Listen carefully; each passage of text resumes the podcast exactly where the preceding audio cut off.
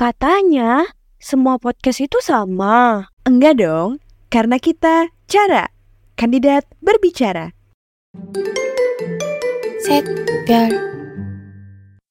Halo kandidaters, balik lagi nih bareng podcast Cara Kandidat Berbicara. Di sini ada aku, Dila, yang akan nemenin kalian di episode kali ini. Nah, di setiap episodenya, Cara akan memberikan informasi serta cerita yang menarik dan seru untuk dikulik. Sebelum kita memulai obrolan kita di episode kali ini, aku juga mau ngingetin ya buat kandidaters untuk follow sosial media kita. Ada Instagram kita di @candidatecollege karena di sosial media kita bakal share banyak banget informasi menarik. Oke, nah bercita-cita kuliah tanpa biaya kayaknya adalah impian semua mahasiswa nggak sih? Kayak siapa sih yang nggak mau kuliah gratis? Nah, gimana sih cara nyari dan daftar beasiswa? Mungkin kalau sekedar nyari aja kayaknya banyak di internet ya, tapi masalahnya tuh banyak mahasiswa yang struggle di pendaftarannya nih. Nah, padahal kalau mau daftar beasiswa tuh banyak banget yang harus dipersiapkan gitu, mulai dari berkas-berkas pendaftarannya, uh, esainya, tips interview dan sebagainya. Dan ini tuh penting banget biar kita bisa lolos sebagai penerima beasiswa. Nah, kita sebagai mahasiswa yang belum dapat beasiswa sama sekali, pasti pengen banget gitu ngerasain juga kuliah tanpa bayar UKT. Sebenarnya belum terlambat sih candidators, kita masih bisa cari opportunity buat dapat beasiswa tersebut. Nah, tapi pertanyaannya adalah gimana sih caranya gitu ya? Nah, tapi tenang aja, kita nggak sendirian kok di sini. Kita punya narasumber atau speaker yang bisa memberi kita inspirasi atau tips tentang beasiswa, khususnya beasiswa unggulan nih, yaitu Kak Safa. Nah, Kak Safa ini adalah seorang mahasiswa semester 3 yang lolos jadi penerima beasiswa unggulan 2023 loh. Kak Safa ini cukup aktif di beberapa organisasi kayak Candidate College ini. Terus Kak Safa juga merupakan bagian dari Girl Up Brawijaya dan Kak Safa juga pernah menjadi bagian dari Brawijaya Startup Action dan masih banyak lagi organisasi yang sedang atau pernah diikuti sama Kak Safa. Nah selain itu, Kak Safa juga aktif banget nih buat jadi MC dan moderator di beberapa acara. Selain itu juga, Kak Safa juga punya beberapa prestasi. Di antaranya menjadi Best Speaker di Competition Entrepreneurship Festival SECUB tahun 2023 sama juara dua Tia Merdeka Esai Competition 2023. Jadi nggak sabar banget buat bahas mengenai beasiswa unggulannya candidators. Langsung aja yuk kita sapa Kak Safa. Halo Safa, Gimana nih kabarnya? Halo Dila. Kabar aku uh, cukup baik, alhamdulillah. Kalau Dila sendiri gimana nih? Wah, aku juga alhamdulillah baik ya. Nah, kamu udah siap belum buat ngobrol bareng nih? Oke, aku udah siap banget dong pastinya. Oke, kalau udah siap, jadi kita bisa mulai bahas ini ya tentang beasiswa unggulan. Nah, aku mulai dari pertanyaan yang pertama. Nah, mungkin kamu bisa jelasin dulu apa sih beasiswa unggulan itu dan apa aja sih benefitnya? Oke, baik. Nah, mungkin sebelum aku menjawab pertanyaan dari Dila, aku perkenalan dulu sendiri kali ya. Jadi, halo teman-teman semuanya, nama aku Safa. Aku sebagai salah satu awardee beasiswa unggulan tahun 2023. Nah, tadi di sini Dila nanya nih, apa sih beasiswa unggulan itu dan apa aja benefitnya gitu kan ya. Nah, jadi beasiswa unggulan ini merupakan beasiswa yang dikeluarkan oleh Kemendikbudristek untuk warga Indonesia atau pelajar-pelajar Indonesia untuk melanjutkan pendidikan ke jenjang S1, S2, atau S3, teman-teman semuanya. Nah, beasiswa ini terdiri dari beberapa kategori nih, teman-teman. Ada kategori masyarakat berprestasi, pegawai Kemendikbudristek, penyandang disabilitas, dan kategori penghargaan. Nah, kalau ditanya apa aja sih benefit dari beasiswa unggulan ini? Jadi, benefit dari beasiswa unggulan ini sendiri adalah teman-teman nanti akan mendapatkan biaya pendidikan dan biaya hidup selama teman-teman berkuliah atau sampai teman-teman lulus nanti. Jadi benefitnya nanti UKT teman-teman selama teman-teman berkuliah itu bakal dibayarin dan teman-teman juga selama berkuliah nanti akan diberikan biaya hidup atau tunjangan hidup. Seperti itu Dila. Oke, jadi beasiswa unggulan itu kita dibayarin UKT-nya mulai dari kuliah sampai lulus ya, Sab? Iya, oh. betul banget. Oke, mantap banget ya. Nah, uh, terus gimana sih tahapan atau apa aja sih syarat buat daftarnya gitu? Oke, di sini apa saja tahapan dan uh, syarat daftarnya gitu ya. Mungkin aku mulai dari tahapan dulu. Jadi kalau untuk beasiswa unggulan sendiri itu hanya terdiri dari dua tahapan teman-teman, yaitu tahapan seleksi administrasi atau seleksi berkas dan tahapan seleksi wawancara.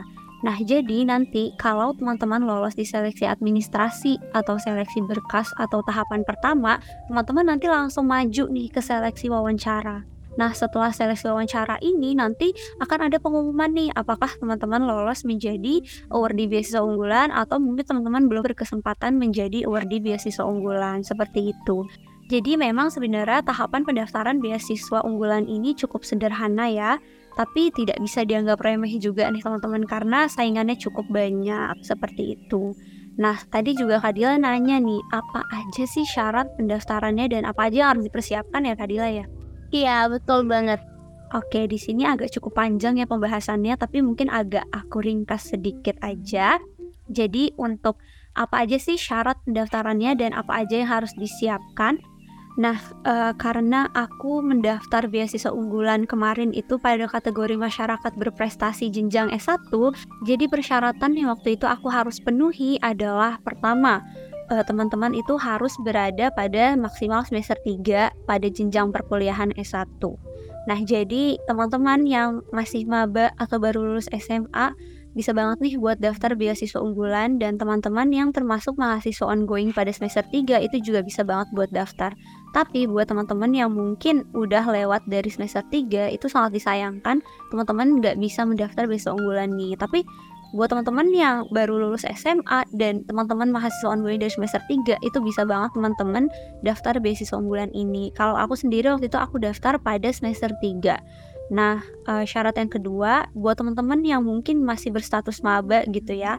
Teman-teman tuh harus punya bukti nih uh, teman-teman diterima di perguruan tinggi tersebut. Dan uh, buat teman-teman mahasiswa ongoing semester 3, teman-teman tuh harus membuat keter surat keterangan aktif dari perguruan tinggi negeri terkait. Terus syarat selanjutnya uh, buat mahasiswa ongoing program sarjana S1 ya karena kemarin aku daftarnya S1 teman-teman harus memiliki bukti KHS maksimal semester 2 karena kan kita uh, daftarnya itu biasanya besok bulan kan bukan di bulan Agustus. Dan bulan Agustus itu biasanya semester ganjil. Itu semester 3 ya. Jadi teman-teman yang daftar di semester 3 teman-teman tuh harus punya KHS maksimal semester 2 dan memiliki IPK minimal 3,25 pada skala 4 nah terus untuk syarat berikutnya teman-teman tuh harus memiliki kemampuan bahasa Indonesia yang baik yang dibuktikan dengan sertifikat yang diterbitkan oleh Badan Pengembangan dan Pembinaan Bahasa Kemendikbudristek. Nah, uh, ini tuh arti lainnya jadi teman-teman tuh harus punya sertifikat kecakapan bahasa Indonesia dari sertifikat tes uji kemahiran berbahasa Indonesia atau UKBI ya disingkatnya kayak gitu teman-teman. Nah, untuk syarat selanjutnya uh, teman-teman tuh harus mendapatkan rekomendasi dari institusi terkait. Jadi teman-teman harus mendapatkan re surat rekomendasi dari uh, perguruan tinggi teman-teman atau dari sekolah teman-teman buat yang maba ya kayak gitu.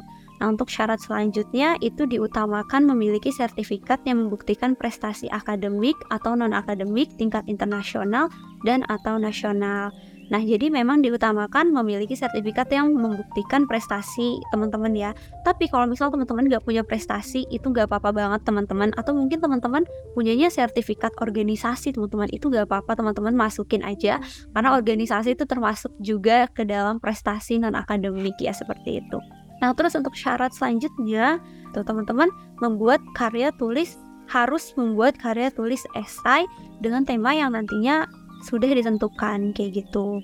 Jadi teman-teman sebelum daftar beasiswa unggulan teman-teman nih harus buat esai nih teman-teman yang temanya nanti ditentukan oleh pihak beasiswa unggulannya. Nah, itu dia teman-teman persyaratan yang harus teman-teman penuhi sebelum daftar beasiswa unggulan pada kategori masyarakat berprestasi jenjang S1.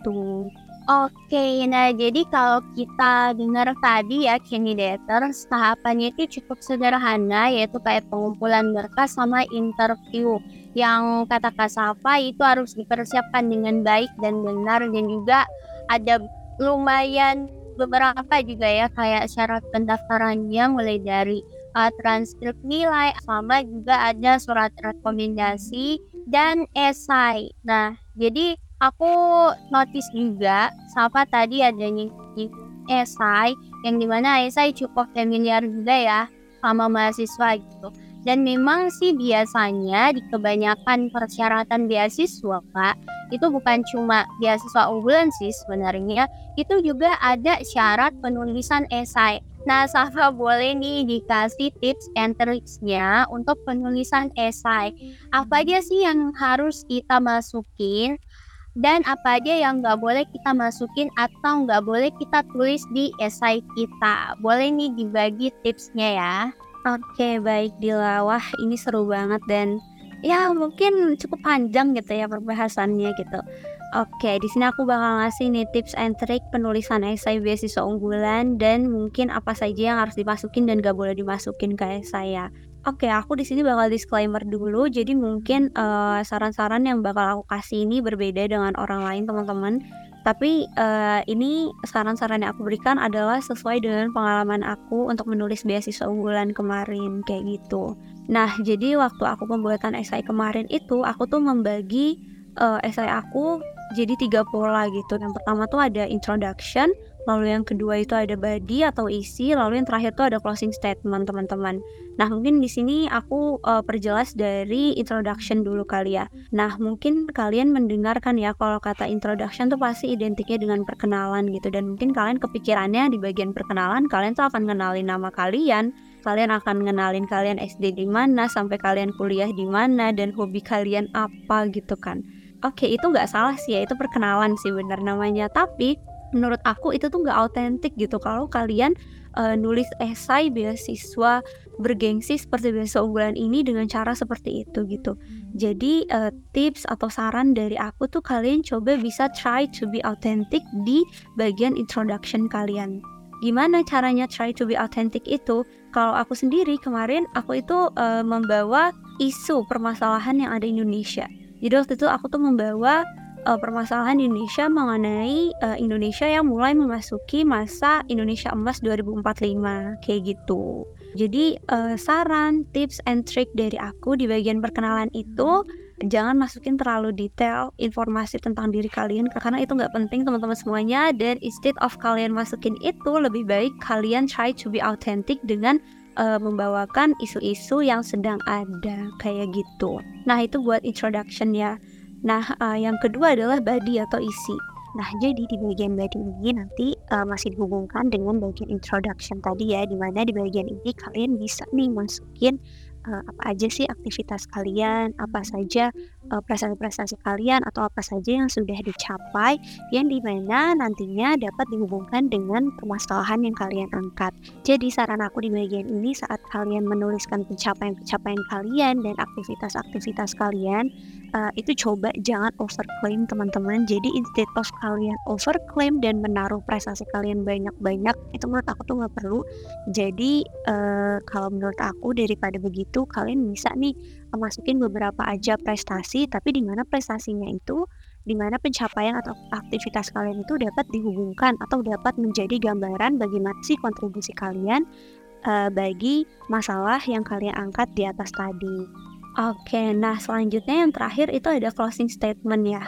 Nah, jadi di bagian closing statement ini nantinya teman-teman bisa nih uh, mempertegas kembali dan memperjelas kembali apa sih yang akan teman-teman kontribusikan, apa yang akan teman-teman lakukan untuk menanggulangi permasalahan yang teman-teman angkat sebelumnya.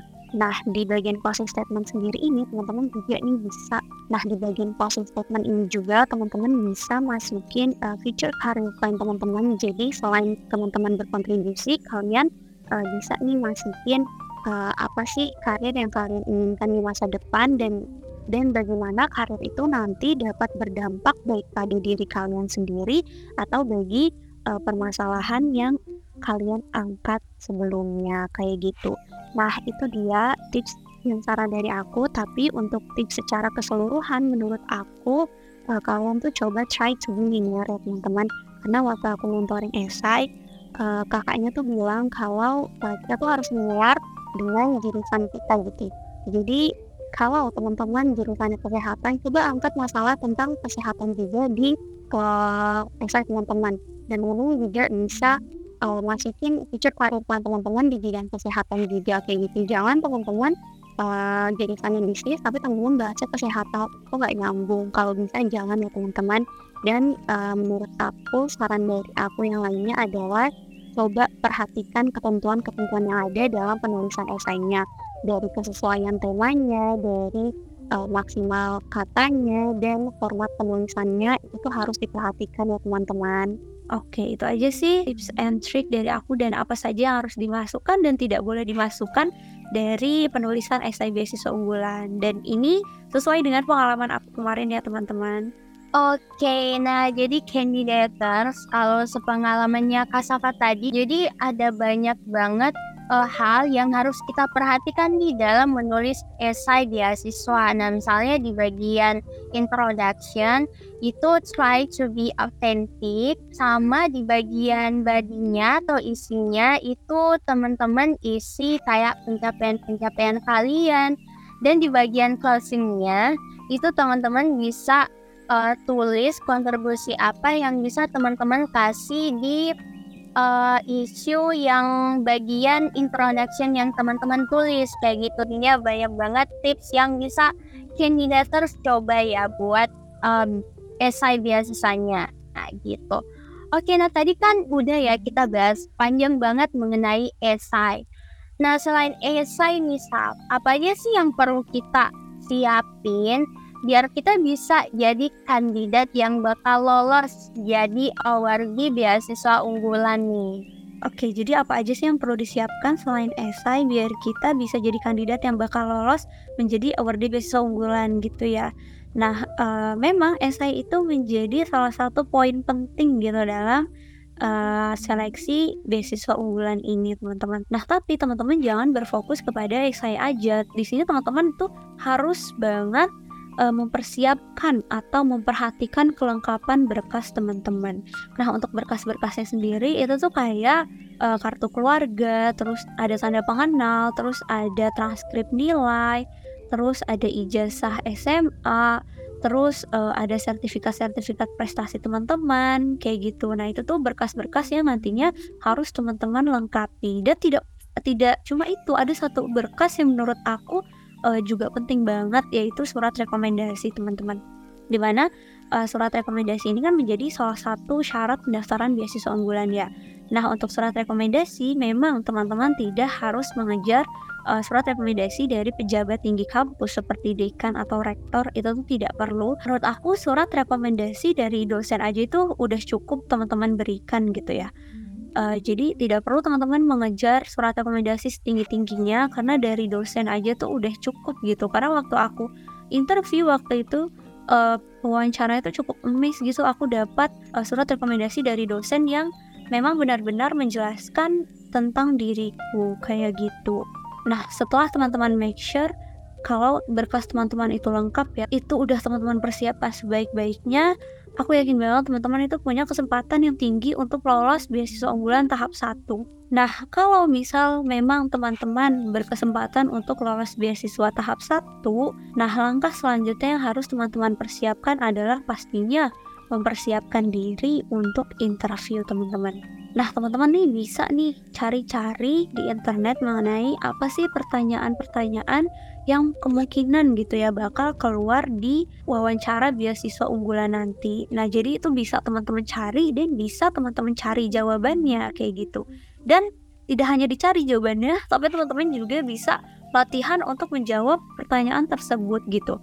Nah, teman-teman bisa nih uh, mungkin minta bantuan teman kalian untuk uh, latihan wawancara gitu biar teman-teman bisa latihan berbicara menjawab pertanyaan beasiswa atau teman-teman juga bisa uh, reach out awardee-awardee beasiswa unggulan sebelumnya untuk latihan wawancara. Atau mungkin kalau nggak ada partner lagi nggak ada partner ya teman-teman bisa kok latihan sendiri aja gitu. Yang penting tuh teman-teman latihan ngomong gitu. Walaupun mungkin nanti pertanyaan beasiswanya mungkin nggak keluar gitu ya nggak ditanyakan gitu. Tapi nggak apa-apa teman-teman yang penting teman-teman latihan untuk berbicara latihan untuk percaya diri untuk menghadapi interview nanti. Nah, kayak gitu. Itu sih yang harus dipersiapkan ya, baik persiapan berkas dan persiapan interview. Nah, kalau teman-teman sudah mempersiapkan dengan begitu, uh, menurut aku insya Allah kalian mempunyai kesempatan yang tinggi untuk lolos di beasiswa unggulan. Oke, nah jadi gitu Kenny dasar. Jadi banyak banget berkas yang harus kita persiapkan gitu ya selain esai dan juga kata Safa kalau kita udah make sure nih berkasnya udah lengkap kita udah bisa dapat kesempatan yang tinggi buat lolos beasiswa tahap satu. Nah dan juga tadi juga ada tips mengenai interview yaitu kita bisa cari pertanyaan dan jawaban interviewnya di internet uh, terus kita bisa praktekin atau bisa tanya-tanya ke awardee tahun sebelumnya gitu ya atau mungkin bisa uh, kita praktis sama teman kita atau mungkin praktis sendiri di depan cermin. Oke, aku udah banyak banget dapat insight mengenai esai sama tadi mengenai uh, kelengkapan berkas sama interviewnya. Nah, jadi aku mau nanya lagi nih, Sap. Kita kan tahu ya kalau daftar beasiswa, khususnya beasiswa unggulan, pasti pendaftarnya tuh banyak banget. Tapi yang diterima tuh kayak cuman sekian gitu aja. Nah gimana sih cara kamu bangun kepercayaan diri kamu untuk maju gitu daftar beasiswa unggulan soalnya jujur aku pribadi aja kayak gimana ya kayak masih mikir aduh kayaknya nggak bakal lolos nih bla bla bla bla gitu. Bahkan banyak banget juga teman aku yang masih maju mundur nggak pede gitu buat daftar beasiswa unggulan karena ya tadi gitu saingannya banyak banget. Boleh nih Saf diceritain siapa tahu bisa nambah motivasi gitu kan? Oke oke boleh banget kok. Oke, nah kalau ngomongin kepercayaan diri untuk daftar beasiswa unggulan ya, atau mungkin kita di sini umumin aja deh beasiswa-beasiswa yang lainnya juga. Jujur waktu aku daftar beasiswa unggulan waktu itu juga aku banyak banget dapat omongan kalau beasiswa unggulan itu susah lolos kalau nggak punya prestasi. Terus saingannya juga banyak. Terus bahkan ada seseorang yang ngomong ke aku yang dia tuh ngasih contoh kalau cuttingnya itu nggak lolos padahal punya prestasi yang wah gitu kan ya itu jujur buat kepercayaan diri aku menurun tapi kalau dipikir-pikir ya buat apa gitu dipikirin. Karena justru menurut aku kalau kita nggak coba kita nggak akan tahu gitu. Kalau banyak yang ngomong kayak gitu ke kalian menurut aku nggak usah didengerin sih. Kayak ya gas aja kita daftar. Kita daftar selagi ada kesempatan. Karena nggak ada ruginya juga daftar. Atau kalau misalnya nggak lolos ya udah bisa daftar beasiswa lain. Dan kalau lolos ya alhamdulillah dong. Justru kalau kalian uh, daftar kalian tuh lebih punya kesempatan untuk lolos dibanding kalian gak daftar sama sekali. Jadi ambil kesempatan yang ada dan jangan dengerin omongan orang lain. Itu aja sih cara buat bangun kepercayaan diri untuk daftar beasiswa. Oke nah setuju banget sih sama Safa gitu ya. Jadi emang kalau kita mau daftar beasiswa, kita niatin dulu, kita kuatin dulu niat daftar beasiswanya. Dan pasti bakal kepercayaan dirinya tuh bakal muncul gitu loh. Dan kita juga nggak usah dengerin omongan orang lain yang nggak penting. Intinya kita tetap lanjut daftar beasiswanya aja. Wah keren banget ya Kak Sapa Nah, dari penjelasan-penjelasan Sapa tadi, kita bisa simpulin nih beberapa hal penting tentang beasiswa unggulan. Yang pertama, beasiswa unggulan itu adalah pemberian biaya pendidikan oleh Kemendikbudristek dan juga udah di skill ya benefit-benefit apa aja sih yang bakal kita dapat kalau kita lolos menjadi awardee beasiswa unggulan. Dan juga tadi ada banyak banget uh, tips yang di-share sama Sapa agar kita bisa lolos dalam tahapan seleksi beasiswa unggulan seperti pengumpulan atau kelengkapan berkasnya dan juga tadi tips esai yaitu di bagian introduction, body atau isinya dan juga closing statementnya yang harus kita perhatikan biar yang baca tuh tertarik dan juga ada tips interview nih yang bisa candidator lakuin kayak nyari pertanyaan dan jawabannya di internet habis itu interview sendiri atau mungkin tanya-tanya ke awardee sebelumnya atau minta tolong ke teman-teman kita buat nge-interview kita.